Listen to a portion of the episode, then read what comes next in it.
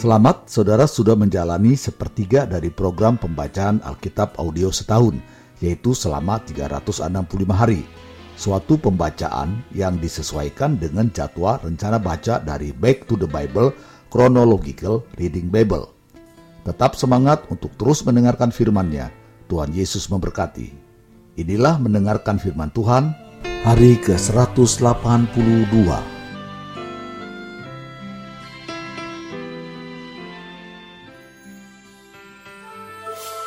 Obajah, pasal 1 ayat 1 sampai 16, nubuat tentang Edom. Penglihatan Obajah, beginilah firman Tuhan Allah tentang Edom. Suatu kabar telah kami dengar dari Tuhan. Seorang utusan telah disuruh ke tengah bangsa-bangsa. Bangunlah, marilah kita bangkit memeranginya. Sesungguhnya aku membuat engkau kecil di antara bangsa-bangsa. Engkau dihinakan sangat. Keangkuhan hatimu telah memperdayakan engkau Ya, engkau yang tinggal di liang-liang batu, di tempat kediamanmu yang tinggi, engkau yang berkata dalam hatimu, siapakah yang sanggup menurunkan aku ke bumi? Sekalipun engkau terbang tinggi seperti burung Raja Wali, bahkan sekalipun sarangmu ditempatkan di antara bintang-bintang, dari sana pun aku akan menurunkan engkau. Demikianlah firman Tuhan. Jika malam-malam pencuri atau perampok datang kepadamu, betapa engkau dibinasakannya, bukankah mereka akan mencuri seberapa yang diperlukannya? Jika pemetik buah anggur datang kepadamu, bukankah mereka akan meninggalkan sisa-sisa pemetikannya?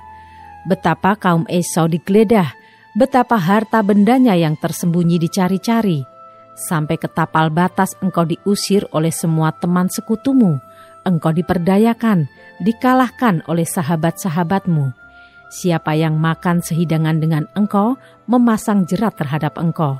Tidak ada pengertian padanya. Bukankah pada waktu itu, demikianlah firman Tuhan, aku akan melenyapkan orang-orang bijaksana dari Edom dan pengertian dari pegunungan Esau. Juga para pahlawanmu, he Teman, akan tertegun, supaya semua orang di pegunungan Esau lenyap terbunuh. Karena kekerasan terhadap saudaramu Yakub, maka celah akan meliputi engkau, dan engkau akan dilenyapkan untuk selama-lamanya. Pada waktu engkau berdiri di kejauhan, sedang orang-orang luar mengangkut kekayaan Yerusalem, dan orang-orang asing memasuki pintu gerbangnya dan membuang undi atasnya, engkau pun seperti salah seorang dari mereka itu. Janganlah memandang rendah saudaramu pada hari kemalangannya, dan janganlah bersuka cita atas keturunan Yehuda pada hari kebinasaannya, dan janganlah membual pada hari kesusahannya. Janganlah masuk ke pintu gerbang umatku pada hari sialnya, bahkan janganlah memandang ringan malapetaka yang menimpanya pada hari sialnya, dan janganlah merenggut kekayaannya pada hari sialnya. Janganlah berdiri di persimpangan untuk melenyapkan orang-orangnya yang luput, dan janganlah serahkan orang-orangnya yang terlepas pada hari kesusahan. Sebab telah dekat hari Tuhan menimpa segala bangsa, seperti yang engkau lakukan. Demikianlah akan dilakukan kepadamu, perbuatanmu akan kembali menimpa kepalamu sendiri. Sesungguhnya, seperti kamu telah minum di atas gunungku yang kudus, segala bangsa pun akan minum dengan tidak henti-hentinya, bahkan mereka akan minum dengan lahap, dan mereka akan menjadi seakan-akan mereka tidak pernah ada. Ayat 17 sampai 21. Keluputan hanya di Sion. Tetapi di Gunung Sion akan ada orang-orang yang terluput dan gunung itu akan menjadi tempat kudus dan kaum keturunan Yakub akan memiliki pula tanah miliknya.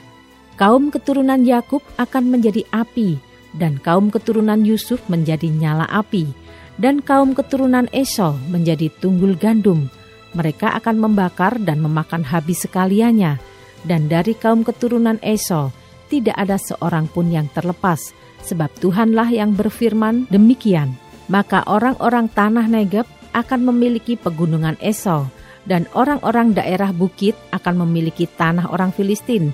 Mereka akan memiliki daerah Efraim dan daerah Samaria, dan suku Benyamin akan memiliki daerah Gilead.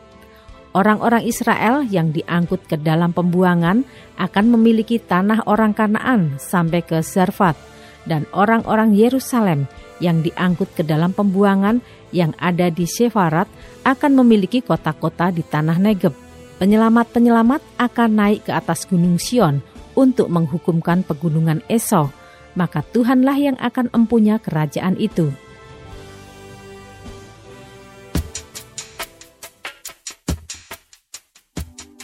Mazmur pasal 82 ayat 1 sampai 8. Allah dalam sidang ilahi. Mazmur Asaf. Allah berdiri dalam sidang ilahi, di antara para Allah ia menghakimi. Berapa lama lagi kamu menghakimi dengan lalim dan memihak kepada orang fasik? Sela. Berilah keadilan kepada orang yang lemah dan kepada anak yatim. Belalah hak orang sengsara dan orang yang kekurangan. Luputkanlah orang yang lemah dan yang miskin. Lepaskanlah mereka dari tangan orang fasik. Mereka tidak tahu dan tidak mengerti apa-apa. Dalam kegelapan mereka berjalan. Goyanglah segala dasar bumi. Aku sendiri telah berfirman, "Kamu adalah Allah dan anak-anak yang maha tinggi kamu sekalian." Namun, seperti manusia, kamu akan mati dan seperti salah seorang pembesar kamu akan tewas. Bangunlah ya Allah, hakimilah bumi, sebab engkaulah yang memiliki segala bangsa.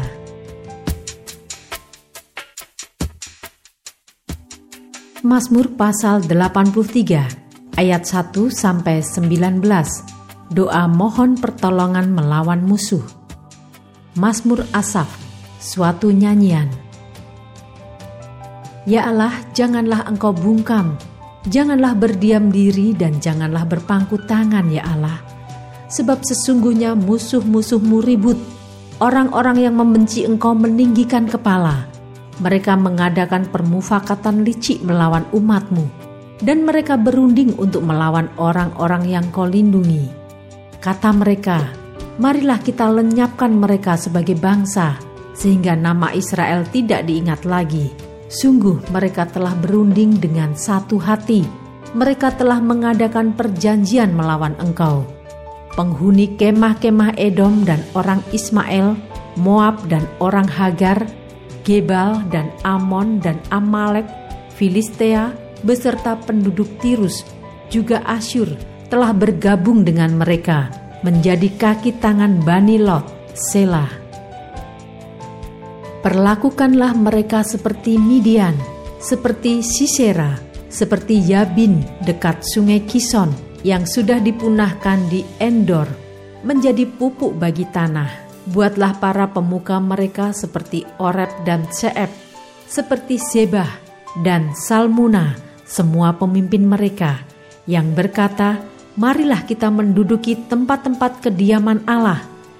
Ya Allahku, Buatlah mereka seperti dedak yang beterbangan, seperti jerami yang ditiup angin, seperti api yang membakar hutan, dan seperti nyala api yang menghanguskan gunung-gunung.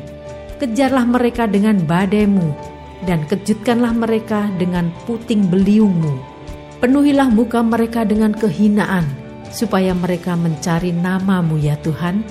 Biarlah mereka mendapat malu dan terkejut selama-lamanya biarlah mereka tersipu-sipu dan binasa, supaya mereka tahu bahwa Engkau sajalah yang bernama Tuhan yang Maha Tinggi atas seluruh bumi. Tetap semangat, teruskanlah mendengarkan firman Tuhan. Sampai jumpa esok hari.